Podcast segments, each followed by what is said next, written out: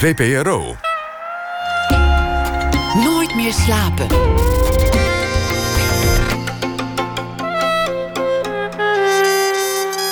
Met Liesbeth Staats. Goedenacht en welkom bij Nooit meer slapen. Het komend uur spreek ik schrijver Arno Grunberg.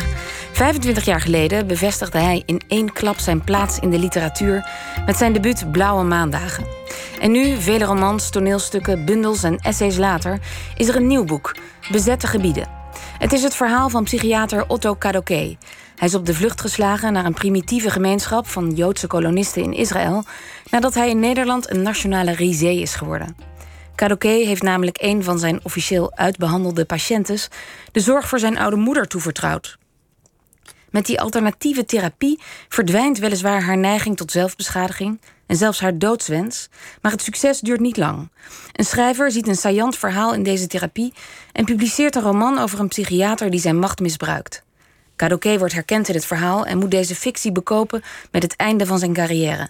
De psychiater mag niet langer zijn beroep uitoefenen en wordt publiekelijk aan de schandpaal genageld. Bezette gebieden gaat over heel veel. Over de vraag wat het is lief te hebben, de vraag hoe te handelen als het noodlot je treft en hoe om te gaan met liefde als je ideologische overtuigingen niet verder uit elkaar kunnen liggen. Om maar iets te noemen. Welkom Arnon. Goedenavond. Goedenavond. Um, de weken na de presentatie van een nieuwe roman, die ken je. Interviews, recensenten. Uh, wat zijn dat voor weken? Ja, het is nu eigenlijk een, een weekje maar, hè? dus het valt toch wel mee. Maar je moet nog even. Ja, ik moet nog even. Maar um, het is eigenlijk steeds prettig geworden. Want in, eh, vroeger was, dat, was eigenlijk alles samengebald in een paar dagen. Dat betekende dat je zes, zeven interviews in een hotel deed. En dan s'avonds nog vaak een evenement Per dag? Per dag. En dat is eigenlijk is dat nog voor de interviewer, nog voor de schrijver... of om wie het ook gaat prettig. Want na drie of vier interviews ben je echt ja. wel klaar ja. voor die dag. En nu is het uit, uitgespreid en is het eigenlijk um, verrassend prettig. Ik weet niet of Kijk, het, het, een schrijver schrijft, dat is zijn voornaamste bezigheid. Maar om over een boek te praten in een boekhandel of uh, met een journalist is niet per definitie een, een hele onaangename bezigheid. Nee. Als het een echt gesprek wordt, is het heel leuk. Ja. En leer je soms ook nog wat over, over je eigen werk. Ja, dat vroeg me af. Want als al, je hebt lovende recensies. Ja. En heb je daar ook wel iets in gelezen wat je nog niet wist? Of wat opviel? Nou, ik dacht niet zozeer aan recensies. Hoewel het altijd wel interessant is om te zien wat er wat uit wordt gepikt uit een boek en welk, welke thema's uh, men niet oppikt. Om wat voor reden dan ook. Dat vind ik altijd wel weer veelzeggend. Daar kan ik ook vanavond over in boekhandel Linnaeus, waar ik, waar ik was. Um, maar juist meer gesprekken, juist in boekhandels of een lezer...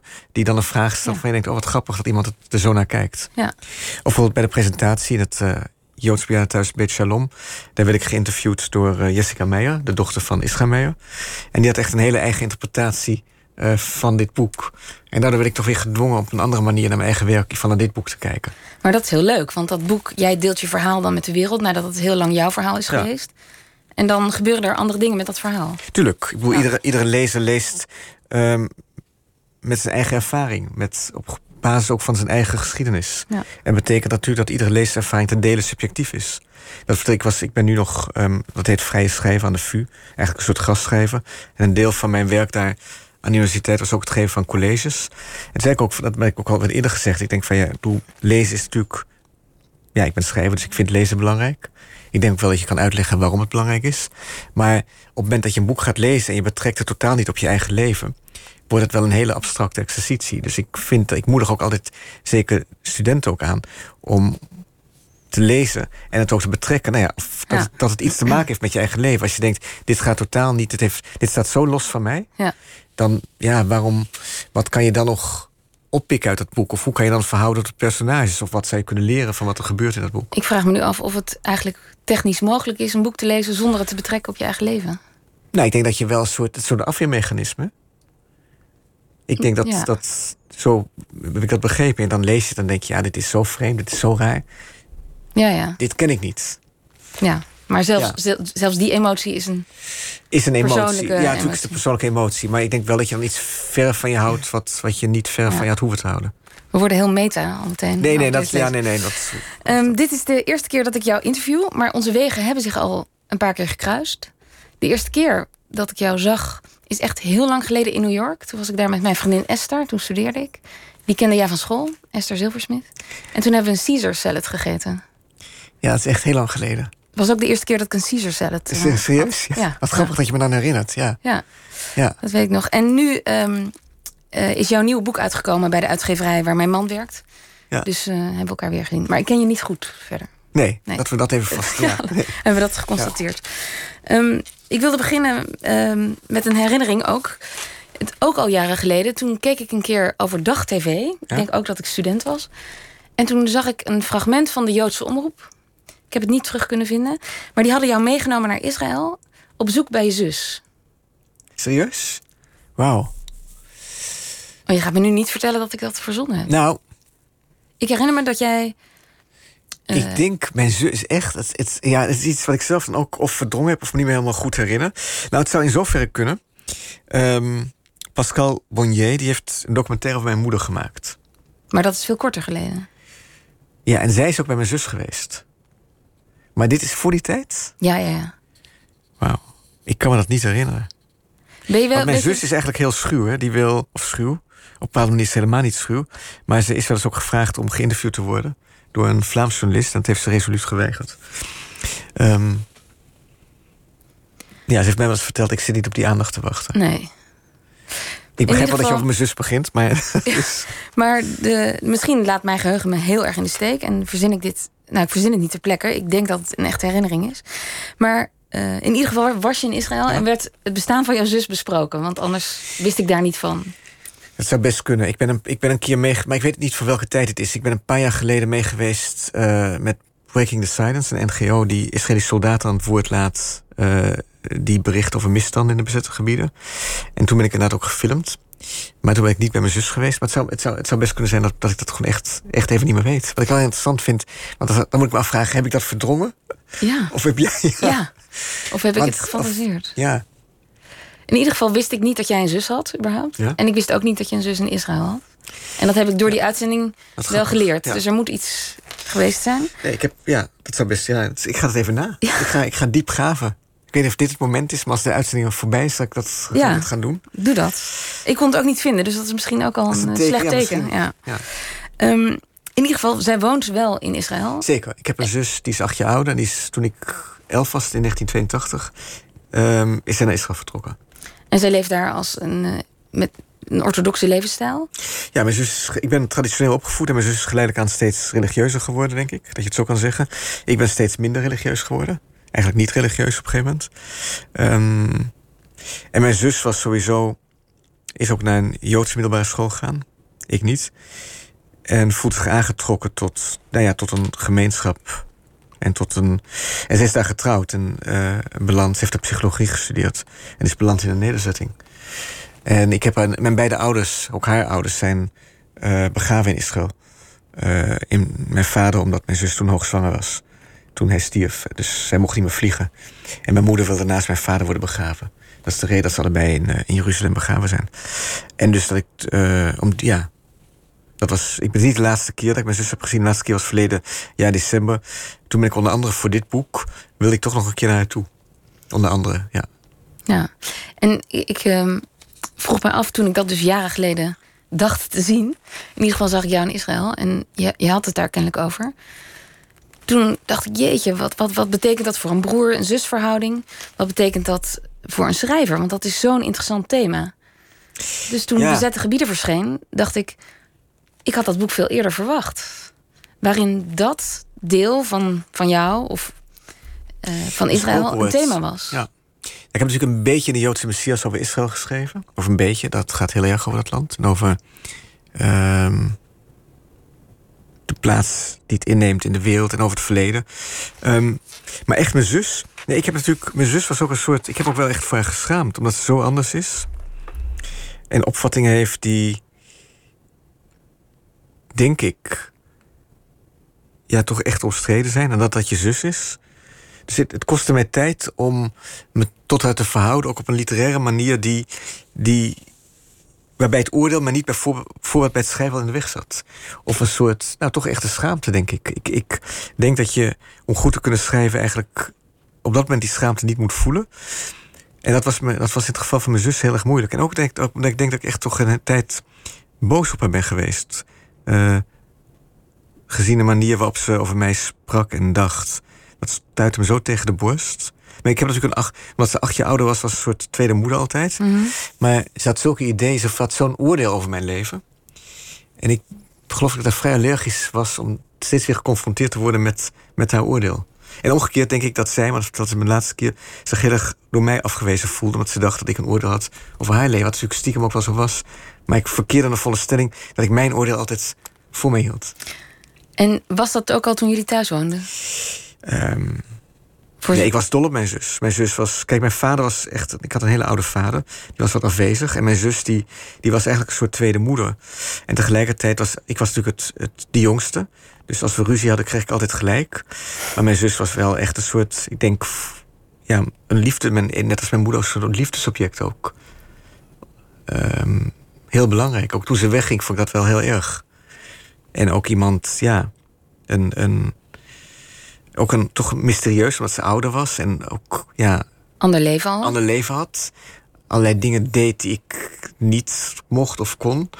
Dus ja, wel... wel ja. Wel, ja, wel iemand ook die mij mede gevormd heeft. En ook iemand die echt, uh, echt heel erg van me hield. En allerlei dingen uh, nou ja, voor, ook voor mij zorgde. Echt. En begreep je haar beslissingen? Hoe? Um, nou, moeilijk. Maar toen ik 11 of 12 was, was ik toch bezig, was ik minder bezig met haar en haar beslissingen. Maar vooral met mijn eigen leven. Maar ik weet nog wel dat zij, zij was heel erg lid van een Joodse, of heel erg, ze was actief lid van een Joodse jeugdvereniging. En ik ben ook wel een paar keer gegaan. Ik vond dat vreselijk. Maar gewoon omdat ik jeugdvereniging aan zich vreselijk vond. En dat, ja, echt alles, nee. Dat, daar moest ik niets van hebben. En, en ook, ja. Ik, ik, had, ik wilde andere dingen in het leven, dat was me wel duidelijk. Maar ik was. Ik, ik wist gewoon dat ik anders was dan zij.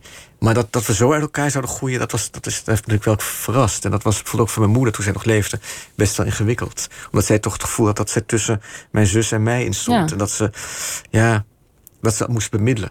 En hoe keek je moeder naar haar keuze? Want het... Nou, mijn moeder vond eigenlijk die nam echt een middenpositie in. Die vond, ja, die vond ook dat ik wel hele radicale keuzes had gemaakt. Maar mijn zus, ze was ook, ja, dat vond ze ook heel ingewikkeld. En ik denk dat mijn zus uh, het moeilijke. Kijk, mijn moeder was toch, zoals dat wel gaat, had toch een, een ander soort loyaliteit ten opzichte van mij dan ten opzichte van mijn zus. Ze was veel kritischer over mijn zus dan over mij. Dus ik denk dat dat voor mijn zus ook heel moeilijk was. En dat mijn zus ook tot op het eind. Op een gegeven moment was ik, ja, ik denk dat ik, dat ik echt niet meer boos was op mijn moeder. En mijn zus tot op het eind van haar leven, van het leven van mijn moeder, ja. echt wel ook boos gebleven. Ze kon echt nog steeds heel boos zijn. Hoeveel ze ook van mij en haar moeder hield. Maar, uh, dus dat was, dat was gewoon een heel andere verhouding. Ja. Wezenlijk anders. En dus jullie verschillen religieus en ideologisch? Ja. En op een gegeven moment ben ik ook opgehouden over dat soort dingen met haar te praten, zoveel mogelijk. Want het ja, dat toch niet zo. Dat, ja. Nee. En dat. Dan ben ik eigenlijk. Ja, ik, ik heb eigenlijk in dat soort conflicten ook geen zin. Nee. Soms is het onvermijdelijk. Dus de laatste keer dat ik daar was met mijn toenmalige vriendin. Ja, toen heb ik daar ook gelogeerd. En dan kwamen toch wel weer dingen boven. En ook wel over het verleden. Toen bleek ook echt, dat vond ik heel grappig, dat je echt zulke andere herinneringen kan hebben aan dezelfde jeugd. Nou, over herinneringen en over de subjectiviteit van het geheugen gesproken. Ja. En dat heeft natuurlijk ten dele te maken, denk ik, besefte ik later, dat zij, nou ja, ach, wat gezegd, acht jaar ouder is. Dus echt ook andere ouders heeft meegemaakt. Want ouders ook veranderen in acht jaar. Dat is toch een lange tijd. Um, en ze heeft ook een volstrekt andere verhouding gehad met, met, met mijn en haar vader. Die toen zij jong was nog heel actief deelnam aan de opvoeding. En toen ik er was, zich eigenlijk al teruggetrokken. Ja. En het overliet aan mijn moeder. Ja. Dus, maar voelt ze wel als een zus? Ze is fysiek ver? Ja, nee, nee, ze voelt wel als een zus. Maar ik denk, ik moet, als ik eerlijk ben, want zij zoekt af en toe toch wel weer toenadering. Ze voelt ook wel heel ver. Het is niet iemand, ik bedoel, ik, ik hou van haar. Maar ze is ook een soort abstractie in mijn leven geworden. En voelt haar kinderen. Ze heeft zeven kinderen en een hoop kleinkinderen. Um, ja, die voelen wel echt heel ver. Dat zijn niet. Ik denk niet dat. Ze, ik weet dat het neefjes en nichtjes zijn. Mm Maar die leven in zo'n ander universum. En ik leef voor hen in zo'n ander universum. Dat dat echt een. Um, ja. Uh, heel ver is. Bijna niet meer echt als familie voelt. En dat is de fysieke afstand. Zou dat anders zijn als ze in Amsterdam wonen? Nee, het, nee het is de fysieke afstand en de, de afstand van hoe je naar het leven kijkt. Ja. Wat je belangrijk vindt in het leven. Welke prioriteiten je hebt. Ehm, ja, echt een wereldbeeld. Dat, dat besef ik toch wel als ik daar ben. Dat het zo wezen, dat het zo invloed heeft ook op het contact. Op het moment dat je zo weinig dingen deelt en zo weinig dingen vanzelfsprekend zijn waarover je het kan hebben, dan blijft er niet heel veel over. Ja, want voor de mensen die bezette gebieden nog niet heb, hebben gelezen, waarin je de, ehm, die samenleving in die nederzettingen in Israël beschrijft, Ja. wat voor soort leven is dat? Nou, ik, ik, er is natuurlijk niet één nederzetting. Dat, dat is het, een beetje het cliché, dat klopt niet. Er zijn heel veel verschillende soorten nederzettingen. Ik heb voor dit boek een beetje geprobeerd de nederzetting van mijn zus als model te nemen. En dat is een eigenlijk toch. Nou, het, is een- het is op een heuveltop. Het is een, een dorp dat op een bepaalde manier heel erg Amerikaans aan doet. Waarom? Nou ja, de huizenbouw. Weet je wel. Je denkt ook, ja, dit, dit zou ook ergens een. Laagbouw? Of, eh, Ja, zoals Florida. Het zou ook, ja. Ja. Of, eh, ja, ja, Florida. Maar dan met een wat prikkeldraad omheen. De Palestijnse dorpen aan de andere kant. En ja, je hebt daar mensen die daar om ideologische redenen zitten. Je hebt daar Russen die daar heen zijn gegaan omdat je economisch voordeel hebt. Omdat het, eh, gesubsidieerd wordt en delen door de regering. Eh, je hebt de zeer religieuze en minder religieuze mensen door elkaar. Maar toch religie speelt een rol. En het is natuurlijk het is een klein, relatief klein dorp. Dus er zit een hoge mate toch aan sociale controle. Men kent elkaar. En ehm, ja, verder is er weinig vertier in het dorp. Er is eigenlijk niets. Is een sportveld. Dus het heeft toch wel, het heeft in zoverre toch wel een koloniaal gevoel. Dat, het, dat er echt een soort land, ja, dat, dat soort het. pioniers. Pioniers, dat die zij- pioniers, de verheerlijking van de pioniersmentaliteit. Ja, en, en, en ook wel toch de, nou ja, de mensen die daar wonen, denk ik, als je kijkt naar de Israëlische politiek, dat zullen mensen zijn die misschien Netanyahu steunen, maar ook toch wel nog de rechterzijde van Netanyahu. En ook de meer religieuzere partijen die, eh die Netanyahu al die tijd ook mede in het zadel hebben geholpen. En natuurlijk ook, kijk, dat is natuurlijk ook weer het interessante. Tussen, het is maar het is een uurtje rijden naar Tel Aviv, maar vanaf die nederzetting van mijn zus naar Tel Aviv is eigenlijk een rijden van de ene, het ene universum naar het andere. Dat is een totaal ander universum, waar zij ook. Nou ja, waar je ook. Ik denk er zit ook wel een soort. De echte Israëlische kolonisten is ook een soort kledingstijl waaraan je hem herkent. Dat, is niet, dat zijn niet zozeer de religieuze Joden, maar bijvoorbeeld ja, een bepaalde hoe vrouwen zich kleden is heel herkenbaar. Als je dat eenmaal hebt gezien. Er zit. Er Doe zit een beschrijving. ja. Nee, bijvoorbeeld, net als dat, dat bij orthodoxe moslims natuurlijk ook orthodoxe Joodse vrouwen bedekken hun haar. Maar niet per definitie met een hoofddoek. Het kan ook een ander soort hoed zijn. Of er zit ook alleen. Maar ook de, nou ja, broeken mogen niet. Dus je, en er zit wel een tendens in om. Hoe zou ik het zeggen? De esthetiek is niet heel belangrijk. dat heb ik ook een beetje geprobeerd te beschrijven in mijn boek. En ehm, ja, het hele idee dat, dat, dat er iets te verleiden zou kunnen zijn, is bijvoorbeeld eigenlijk al afgekapt. Dus het lijkt op alsof die hele kleding is puur, puur, puur functioneel. Ik ben dan maar niet de grootste steed, maar echt puur functioneel. Ja. En tegelijk, ja, dat heeft iets heel. En tegelijkertijd zie je dat toch wel weer bij de kinderen ook wel iets, iets van kleine rebellie, maar op een heel, heel klein niveau. En je, beschrijft die gemeenschappen eh, vrij genadeloos. Je laat de hoofdpersoon Kadoke, de psychiater, zeggen... ja, dit zijn een soort misdadigers die in de 19e eeuw leven. Nou, dat, ik, dat, ik heb geprobeerd heel genuanceerd te zijn. Kijk, het ging mij niet om. Dat vond ik saai. Ik, als ik, het gaat me niet. Kijk, die nederzettingen zijn er. Ik denk dat, dat iedereen, als je dat politieke kant van de zaak nog even mag belichten, dat een twee-staat-oplossing. Ik denk niet dat heel veel mensen daarin geloven. Ik denk dat er ooit een één-staat-oplossing zal komen. Dat beschrijf ik ook in, het boek, maar het zal heel lang duren. En ik vrees met veel bloedvergieten gepaard gaan. Maar natuurlijk kan je, je kan ook zeggen, ja, mensen, officieel is dat, mogen die nederzettingen dan natuurlijk niet zijn. En Kadoke is heel erg tegen in mijn boek. En hij voelt zich, omdat hij daar voor de liefde heen gaat, denkt hij, ben ik nu een oorlogsmisdadiger.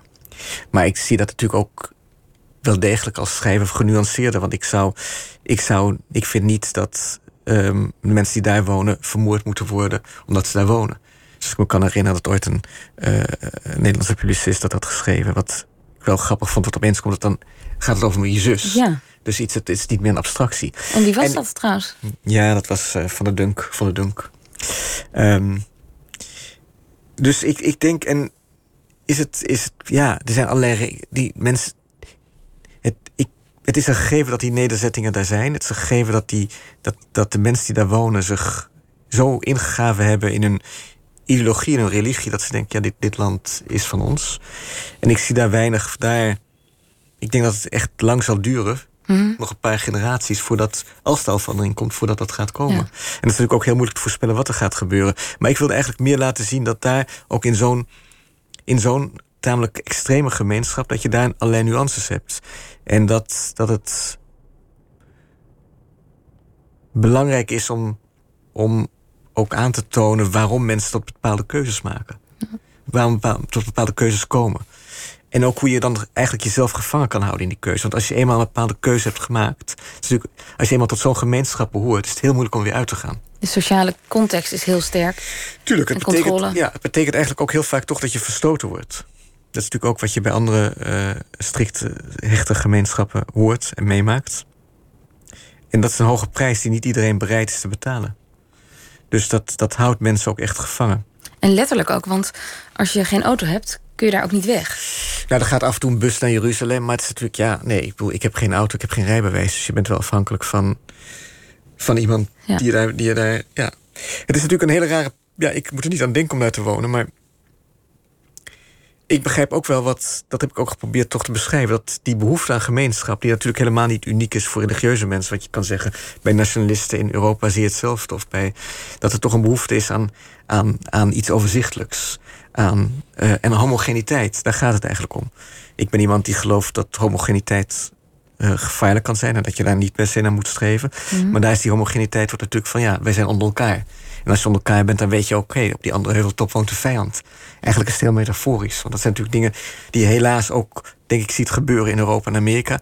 Maar daar is het zo helder. Daar is het zo gewoon het ene door daar, het andere door daar vijand, duidelijk. Dat kan je gewoon zien hoe die dorpen zijn gebouwd. Aan de minaretten, aan alles. Maar dat is ook heel aantrekkelijk overzicht. Ja, dat probeer ik. Dat is, Voor sommige mensen is dat super aantrekkelijk. Voor sommige mensen is dat... En natuurlijk het feit ook dan heel veel, op heel veel vragen... hoef je zelf geen antwoord meer te geven. Die zijn al geformuleerd of door de ideologie... of door de religie, of door de gemeenschap. Dus heel veel dingen kunnen vanzelf gaan. Lijken vanzelf te kunnen gaan. Ja. Heeft ze ehm, je boek al gelezen, je zus? Nee, het is net aan haar opgestuurd. Ik heb het wel aan haar opgedragen. Ik durfde het eigenlijk niet, misschien is het heel laf, aan haar te sturen voor het, voor het uitkwam. Ik zag ook een beetje op tegen haar reactie. Um, ze heeft al wat boeken van mij gelezen. Ik denk dat ze dit boek vreselijk vindt. En dat vind ik helemaal niet erg, dat mag ze best vinden. Maar ik had even geen zin in die. Mailwisseling ja. of zo. Ja, of in die. Ja, in de verwijten, denk ik. Hmm. Ja. En als je zegt, nou, ze vindt, ik denk niet dat ze, dat ze erg enthousiast is.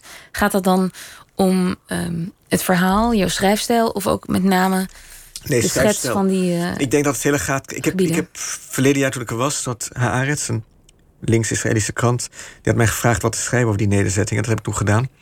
En dat vond ze heel erg van, omdat het een Israëlische krant was. Ik denk, dit vindt ze dan weer minder erg van zijn roman. Maar goed, ze zal toch merken dat ik iets van haar leven heb gebruikt. Ja. En de manier, het is natuurlijk niet. Kijk, zij voelt een raar soort trots. Het is toch haar woordje? Nee, nou, niet trots voor Nee, trots dat zij. Trots voor oh, die. Trots op haar keuze. Ja, ja, ja. Oké. Nee, nee, nee, nee, nee. Nee, nee, nee, Trots op haar plek. Trots op, op, die, op, die, op dat dorp. Trots, ja, dat is, dat is van haar. Ja. Um, en dat voelt ze, dan voelt ze enorm, denk ik, dat ze dit de beschrijving. Dat ik vind dat ik echt, wat ik zei, genuanceerd ben. En heb geprobeerd alle kanten te laten zien. En begrip te kweken bij de lezer voor alle personen. Hoe bizar die ook uh, mogen lijken of mogen zijn. Ik denk dat zij dit toch heel erg voelt als inderdaad als, als hevige kritiek. Ja. Um, het is ook.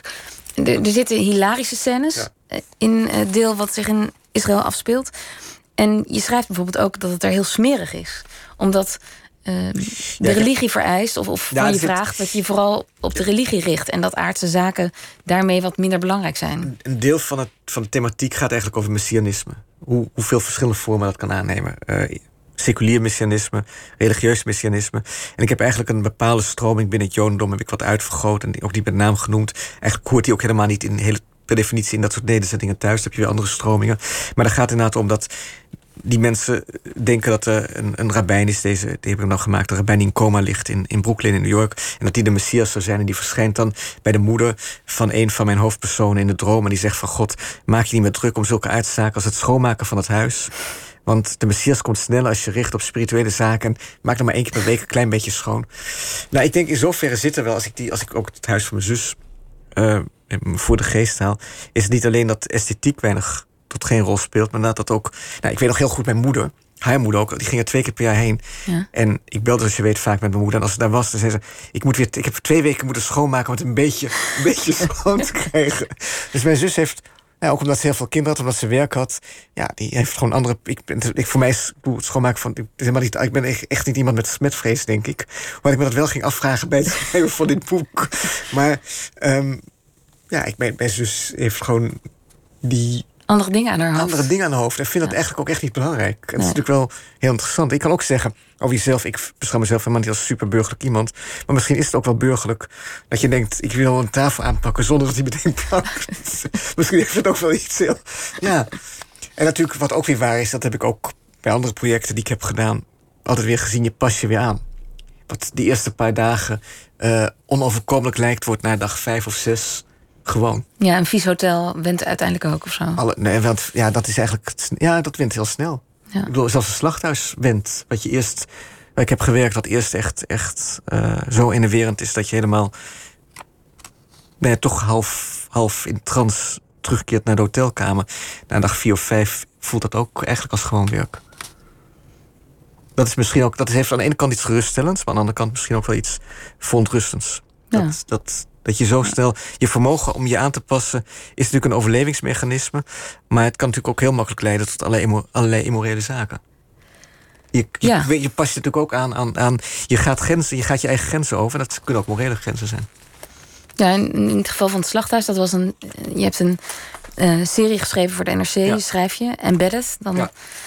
um, ga je op bezoek niet alleen op bezoek, maar je laat je opnemen door een uh, gemeenschap ja, en een milieu. En probeer zoveel mogelijk niet als observator, maar waar ik mee kan werken en mee mag werken, werk ik mee. Participerende journalistiek. Ja, literatuur. En ook met, met heel, met in het besef dat op het moment dat ik daar ben, verander ik zelf ook iets aan de situatie. Dus het gaat ook om wat doet het met mij. En, maar wel ook, en ook zonder. Wel, mijn uitgangspunt is, ik, ik ben er niet om die mensen, wie het ook zijn, te veroordelen. Ik wil ze begrijpen en me inleven in hen. Ja. Ik, de laatste serie die je schreef ging over een circus in Amsterdam. En uh, het plezier spatte van de pagina's af.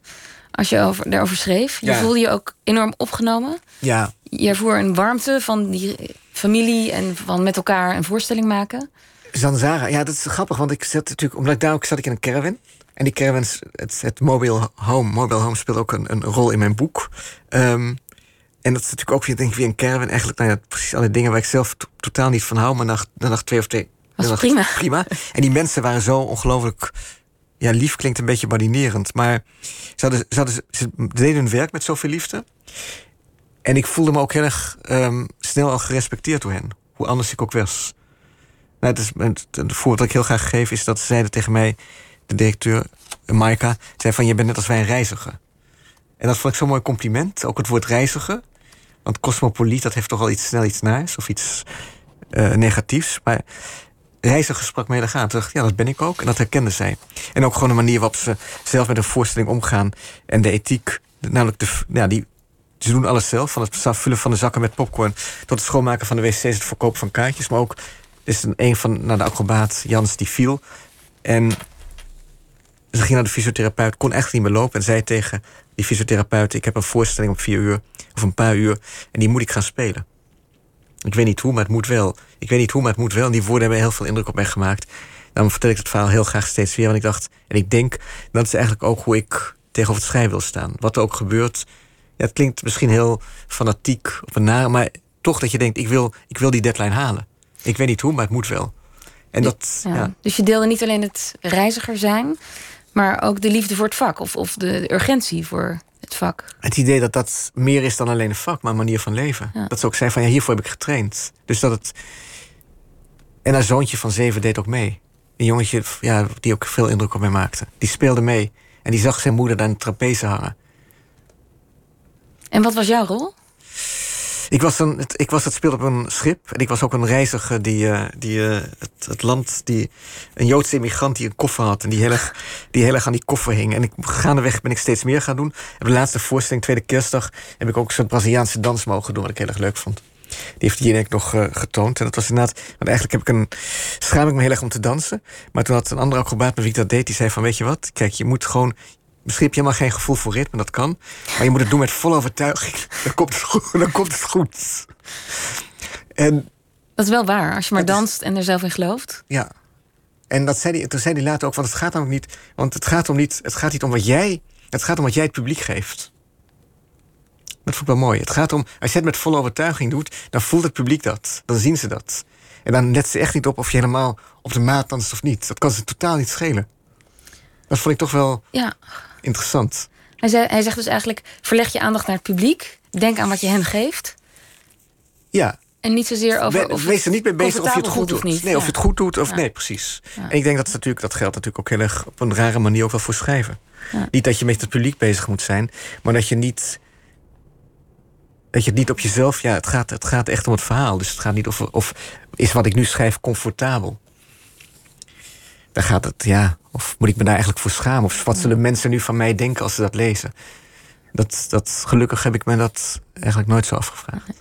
En waarom eh, ehm, zei het circus ja toen eh, je vroeg of je bij ze mocht komen? Dat zou je aan hen moeten vragen, maar ik weet wel dat het heel moeilijk was een circus te vinden. Ook omdat het circus natuurlijk een beetje in de verdrukking is gekomen. Mede door de wet dat, er geen, dat heel veel circusdieren verboden zijn. De dieren, ja. ja. ja. Ehm, ja, die hebben gewoon geen zin in pottenkijkers. En is ook, dat is natuurlijk ook wel weer grappig. Toch een kleine link met het boek. Het is een hele afgesloten wereld, hè? En de echte circusartiesten hebben het ook over de burgers. Net als trouwens kermismensen. En zij horen daar niet bij, hè? En je hebt ook, wat ik begreep, in de oude circus heb je ook adel. Hoeveel, dus de, als je bijvoorbeeld je familie al een paar generaties in het circus zit, dan behoor je bij de circusadel. En vroeger waren het ook hele hiërarchische ingestelde ehm, samenlevingen, gemeenschappen. Dat is wat minder, zeker bij dit circus. Maar het is wel een, een, een wereld in een wereld. Ja. Ja. Ik ehm, zag een foto van jou in de NRC. En daar trek je net iets uit of aan, in in kostuum. En je keek echt gelukkig. Ja, ik was daar heel gelukkig. Niet dat ik nu niet gelukkig ben, maar ik was daar echt. Het was, ja, ik heb ook bijna als. Het was bijna therapie. Het was zo'n. Het was een manier om. Ja, ik deed allerlei dingen die ik. Die, God, ik heb wel eens ges- gespeeld, ook met Josse de Pauw een stuk. Maar dit ging eigenlijk zo ver buiten mijn comfortzone om. En tegelijkertijd voelde ik me zo. ehm, geaccepteerd. En ook vond ik het, het heel. Het is heel prettig om in een wereld te zitten waar.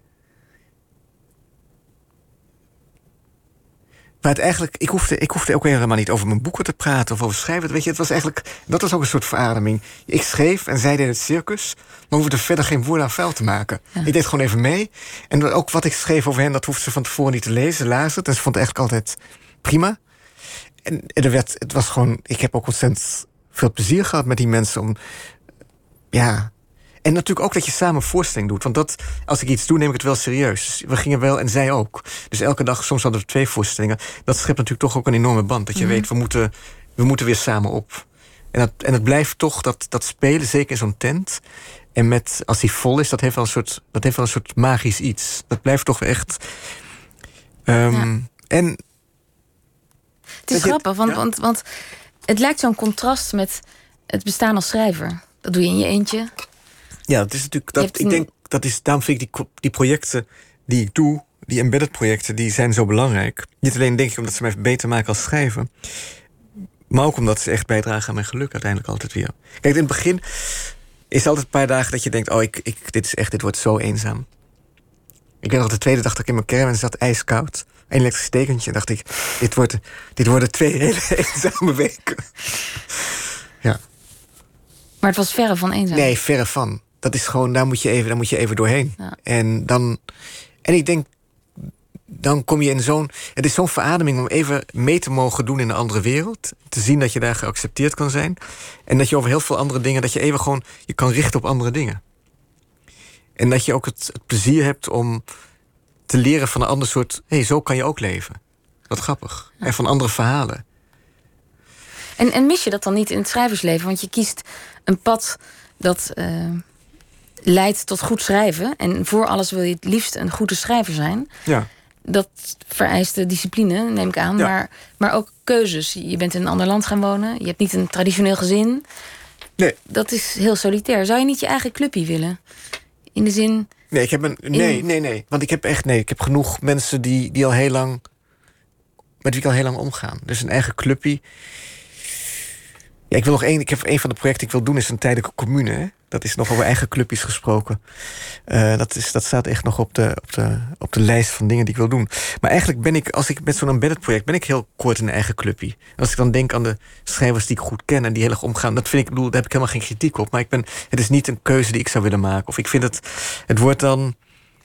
Ik vind het juist fijn om het schrijven wat ik doe te scheiden van het, het leven daaromheen. Dat ik niet voortdurend het daarover hoef te hebben. Of ik wil graag mijn wereld zo mhm. groot mogelijk maken. En ik denk dat eigenlijk elke literaire wereld, ook die in Nederland, is natuurlijk een vrij kleine wereld.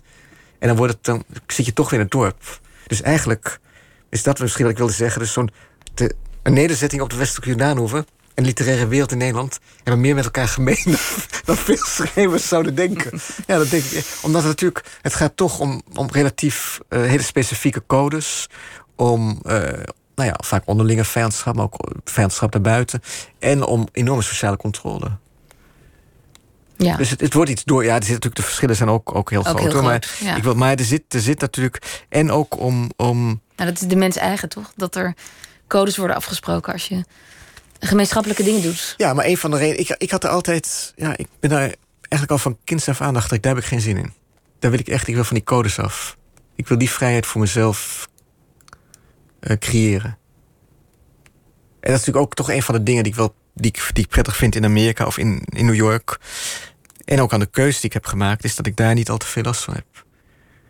Dat ik niet hoef te denken. Ik heb dat mensen mij gaan vertellen hoe ik moet leven. Misschien is dat ook waarom ik altijd zo boos was op mijn zus. Omdat die zich meende te permitteren dat altijd weer te kunnen doen.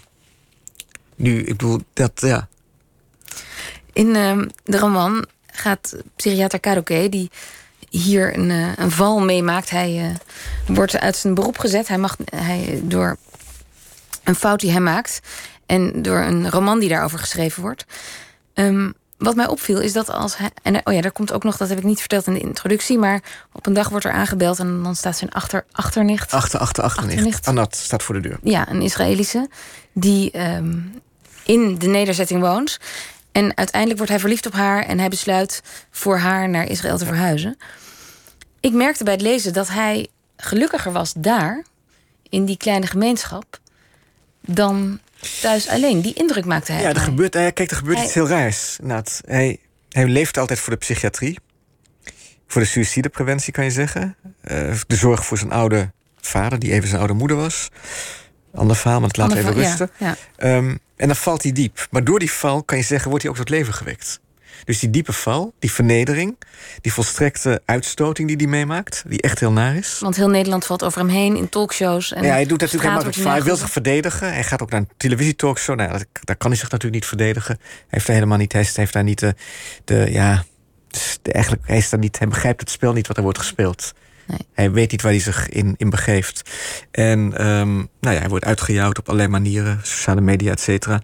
En hij wordt door de, sociale, door de medische tuchtcollege wordt hij veroordeeld en mag niet meer psychiater zijn omdat er iets gebeurt. Ja, het is onduidelijk wat er gebeurd is, maar hij heeft ooit een, een meisje ja, meegenomen en aangesteld. Nee, wat je ook al zei, als, als verzorger van. Ja. ja. Nou, en door die val eigenlijk wordt hij, mede door die val, richt hij zich zo op die liefde voor Anat. Ik denk dat hij haar sowieso wel intrigerend vond en fascinerend, ook omdat het zo anders is. En misschien ook wel, ja, dat hij ook wel een bepaalde weerzin voelde, die ook heel makkelijk kan omslaan natuurlijk in aantrekkingskracht en, en, en misschien zelfs liefde. Maar doordat hij eigenlijk niets meer heeft in zijn leven, kan hij zich helemaal richten op dat, dat, dat beetje vage en onduidelijke gevoel van verliefdheid. En wordt het steeds groter. En beseft hij zelf ook wel dat die liefde een reddingsboei is. Maar hij denkt van ja, welke andere reddingsboei heb ik nog dan maar, dan maar deze. En het wordt ook daardoor, wordt, wordt die liefde wel denk ik heel erg echt.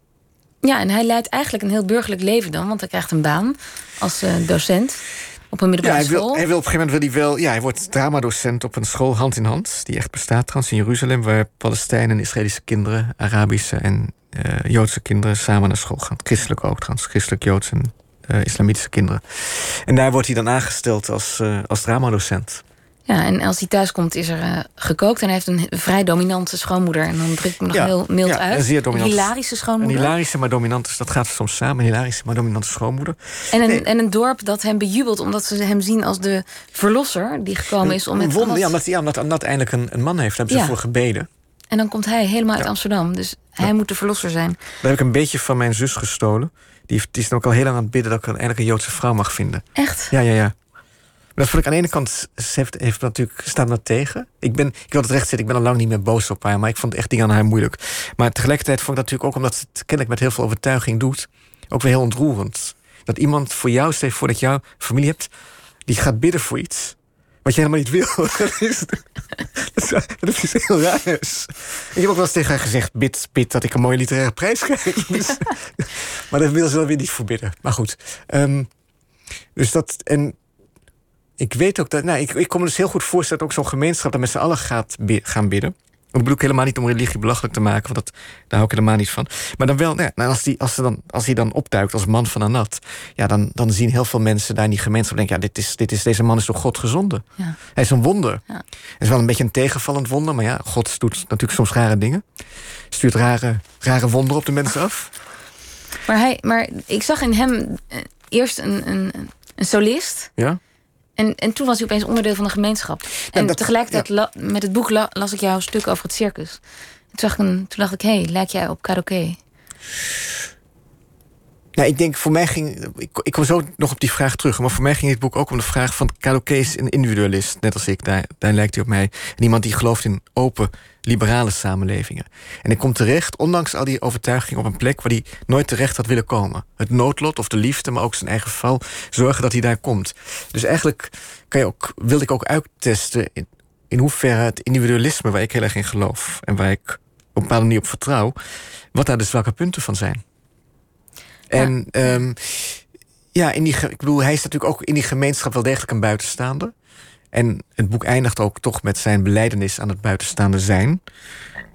Maar um, toch. Maar ik, ik begrijp ook. Ja, hij wint er ook veel bij. Ja, ik, tuurlijk. Ik begrijp, ik begrijp ook meer dan vroeger dat een gemeenschap je natuurlijk iets, ons, ja, iets biedt. Ja. We gaan uh, naar muziek luisteren. Je hebt een plaat meegenomen van uh, Roxanne Hazes, De Judaskus. Waarom vind je dat een mooi nummer? Nou, het was een nummer waar ik naar luisterde, onder andere toen ik dit boek schreef. En uh, ten dele gaat dit boek natuurlijk ook over hoe je iemand verlaat of hoe je iemand verraadt, allebei. En ik weet nog dat ik naar het nummer luisterde en dat ik me toen afvroeg van of het überhaupt mogelijk is bij iemand weg te gaan met wie je een liefdesrelatie hebt zonder een Judaskus. Als die ander dat niet wil. Dus kun je iemand verlaten, ja. toch zonder niet jezelf ook uh, Judas te voelen. Ja. Dus dat vond ik toch wel, ja, vond ik nou dacht ik verder leuk om daar naar te luisteren. Judaskus van Roxanne Hazes.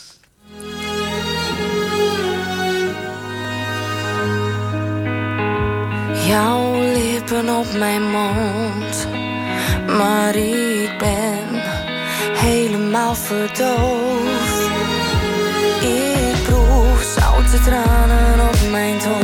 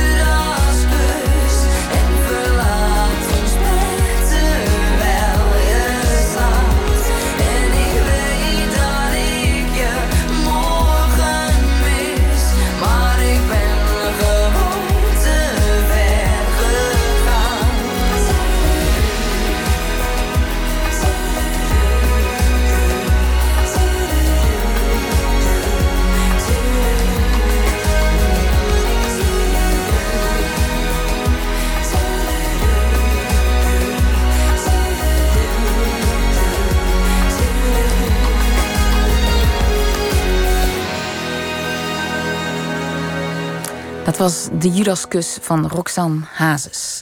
En ik spreek met Arnold Grunberg over zijn nieuwe roman, Bezette Gebieden. En we hadden het over de psychiater, de hoofdpersoon Otto Karoké... die in Israël belandt nadat hij in Nederland zijn uh, status... ook wel een stuk van zijn identiteit is verloren. Ja. Omdat er een uh, roman over hem is verschenen... waarin zijn misstappen als psychiater worden beschreven. Um, dat is natuurlijk de vraag of het echte misstappen zijn, hè?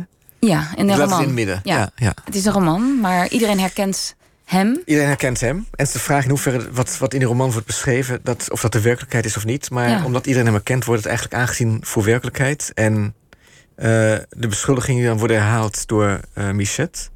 een- zijn patiënten... die eh, bevriend is geraakt of verliefd geworden op een schrijver... ja, die, die leiden tot zijn val. Ook omdat hij niet... heeft natuurlijk ook... het is natuurlijk een rare situatie... als je een patiënt meeneemt naar huis en aanstelt als verzorgster.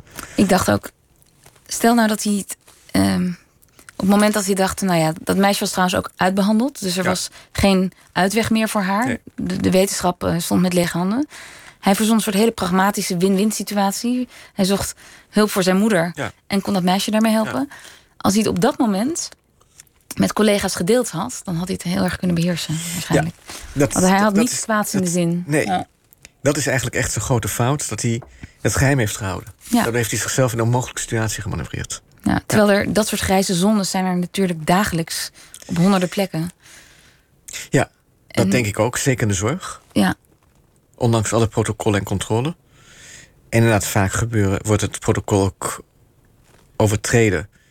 En terzijde gelegd met de beste bedoelingen. Ja. En vaak ook met, met hopelijk, ja. Met, ik denk dat, dat het ook desastreus kan zijn. Dat is natuurlijk ook wat heel veel eh, mensen in die zorg mij hebben verteld. toen ik daar rondliep om onderzoek te doen voor dit boek. Dat het protocol ook een harnas is. Wat je echt belemmert. En wat niet in het belang is van de patiënt. Heel vaak niet Ja. althans. nee. Op de dag van de presentatie pleit hij in het parool in een essay voor mededogen. Ehm, dat we compassie moeten hebben met mensen die een fout begaan. En dat we hen vooral niet moeten reduceren tot die misstap die ze gemaakt hebben. Waarom? Ja, dat heeft iets heel menselijks natuurlijk. Omdat je eigenlijk daardoor iemand ook niet meer weg terugbiedt. Of pas na, na echt hele lange tijd. Op het moment dat je iemand, dat je iemand, dat iemand in het openbaar wordt vernederd en geschandaliseerd en beschaamd, is het voor diegene heel moeilijk om niet maanden of jaren later nog niet nagewezen door het leven te gaan.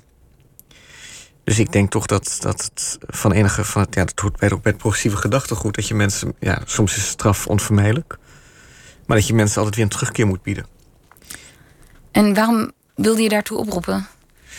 Ja, ik denk omdat het, ik vond dit, ten dele ging het boek natuurlijk ook over het, de val van die man en, en het, het schandaal waar die in die belandde. Maar in het algemeen denk ik dat, dat wij veel te snel oordelen en veel te veel oordelen.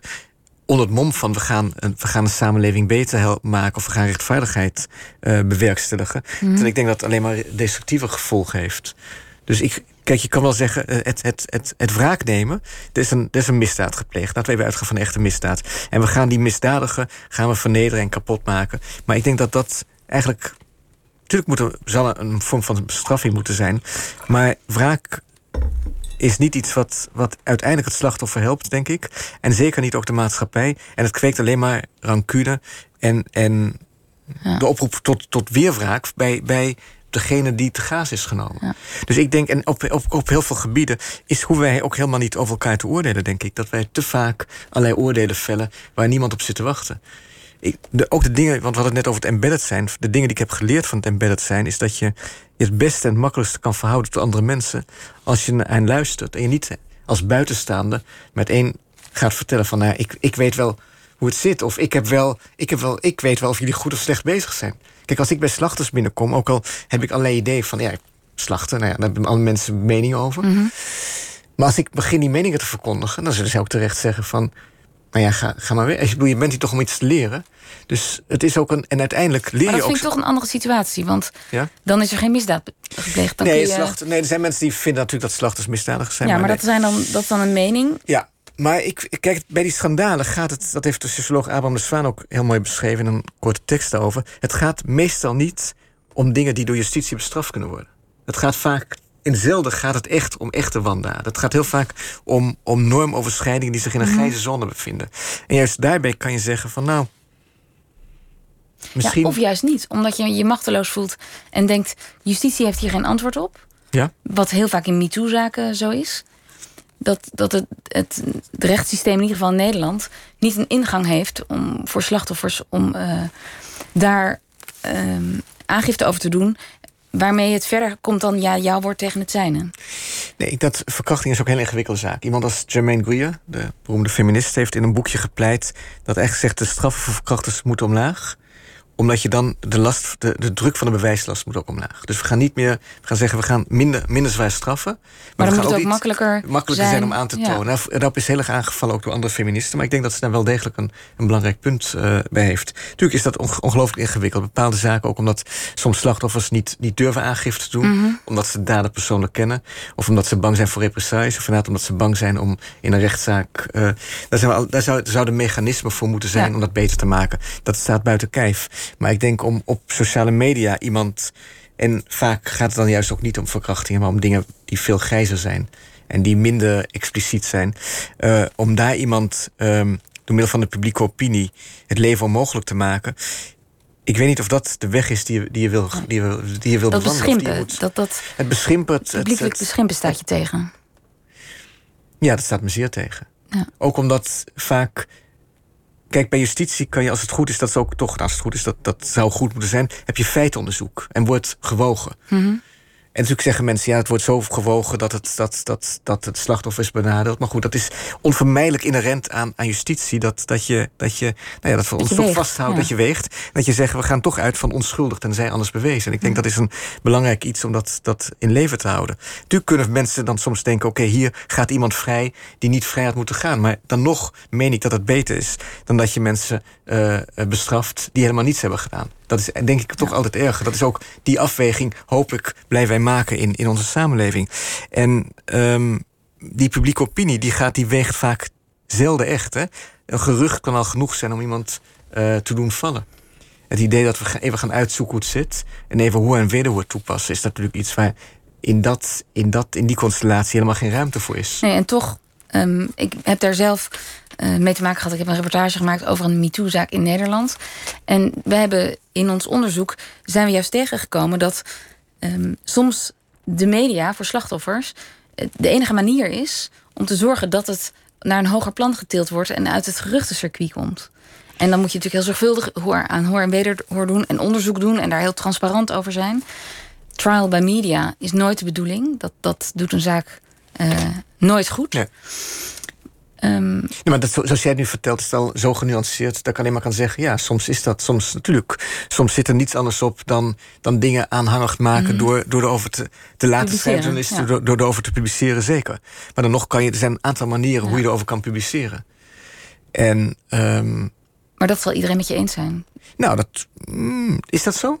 Nou, er zijn denk... er mensen die zeggen: het is goed als mensen um, op basis van een gerucht aan de schandpaal genageld worden. Nee, maar ik denk dat heel veel mensen die zullen zeggen uh, dat is niet goed, dat toch een aantal van hen dat wel zal doen. Vrees ik. Als je, ik bedoel, ik wil helemaal niet. Kijk, dat wat op sociale media gebeurt, is maar een deel van de werkelijkheid. Er zijn natuurlijk heel veel mensen die daar nooit komen. En toch heeft dat wel degelijk invloed op de levens van die mensen. Ja. En um, niet alle kranten en journalisten zijn natuurlijk ook even secuur in het checken van wat, wat, nee. wat er gebeurt. Dus ik denk dat je daar aan de ene kant vindt dat je, dat je als er sprake is van een wandaad, wat die ook is, moet je dat onderzoeken. En moet je ook zeker de slachtoffers recht proberen te doen. Maar je moet ook uiterst zorgvuldig zijn uh, om mensen niet te beschadigen. En ja. ik denk dat die, dat die zorgvuldigheid soms wel eens uh, ver te zoeken is. Ja. Zeker omdat we natuurlijk heel erg in het vriend-vijand denken zijn beland. Waar als, als je eenmaal tot het vijandelijke kamp hoort, lijkt alles geoorloofd. Ja. In, uh, in jouw roman bij de psychiater Kadoké komen werk en privé in die grijze zone samen. En dat leidt uiteindelijk tot uh, nou ja, zijn schandalisering. En ik moest denken aan deze zomer, toen werk en privé bij jou elkaar ook tegenkwamen. In een serie die jij voor de Standaard schreef. Ja. Um, je beschrijft een reis die je met je inmiddels ex-vriendin maakte in Amerika, die ook nog eens over liefde en seksualiteit ging. Ja. En je hebt in die serie ook beschreven hoe het jullie verging. Ja. In de nadagen van ja. jullie relatie. En ook, dat was heel intiem, want uh, je vriendin kreeg een ex-vriendin kreeg een miskraam. Ja. Daar schreef je over. Zij heeft daar, er kwamen verder reacties op. Dat was te privé. En zij verweet jou in een brief die ze terugschreef, onder andere: um, Ja, mijn pijn is gebruikt voor werk. Ja. Als ik het even heel ja. lelijk samenvat. Ja. Toen dat gebeurde en er ook felle reacties kwamen, schaarde jij je toen ook onder de beschimpte? Kreeg je daar voeling mee? Nou, het was in zoverre raar, omdat het leek, ik dacht opeens, god, het, hier gebeuren dingen die een beetje lijken op wat ik in mijn boek heb beschreven. Want het boek was toen al eigenlijk al bijna af. Dus dat vond ik een heel Aha, uh, omineus iets. Dus de lotgevallen van psychiater Karoké, die, waren, die lagen al vast? Ik, die lagen toen al vast, ja. Dat, dat, dat was het rare. Het is niet dat dit gebeurde. Ja, het, was, het boek was eerst en toen kwam de werkelijkheid erachteraan. Natuurlijk anders dan het boek, gelukkig.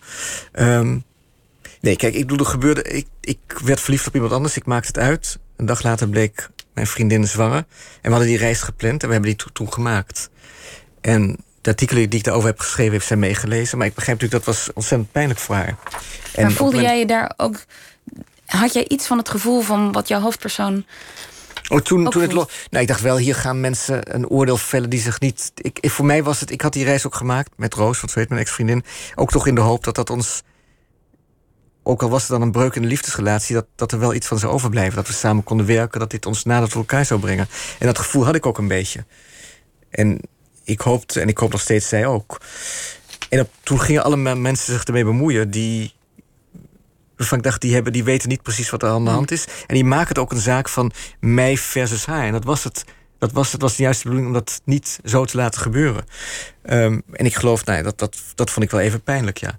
Maar ik heb nooit een echt slachtoffer gevoeld. En ik ben me natuurlijk ook bewust geweest. Ik vind nog altijd. Ik ben blij dat ik die reis heb gemaakt met haar. Ook dat ik de artikel heb geschreven. Want het uitmaken met iemand is, is heel pijnlijk. Ja. Ik wil ook mijn eigen. Dat is eigenlijk ook iets vreeds. Maar ik, ik, wist niet hoe ik dat anders moest doen, want ik was verliefd geworden op iemand anders. En om uit schuldgevoelens bij iemand te blijven, is denk ik ook heel vreed. Ik moet het afbreken, want uh, we, we, zijn door de tijd heen gevlogen. Oké, okay. nou, dat gaat heel snel. Arno Gulweg, dankjewel. Een beetje een raar moment om dit interview af te, brengen, af te breken. Ik vermeld nog even dat 27 januari een bundel van jouw hand bij ons in Auschwitz wordt gepresenteerd. En maandag zit hier Pieter van der Wielen met de Noorse theatermaakster Eline Arbo. Dat maandag en ik wens u nog een heel goede nacht.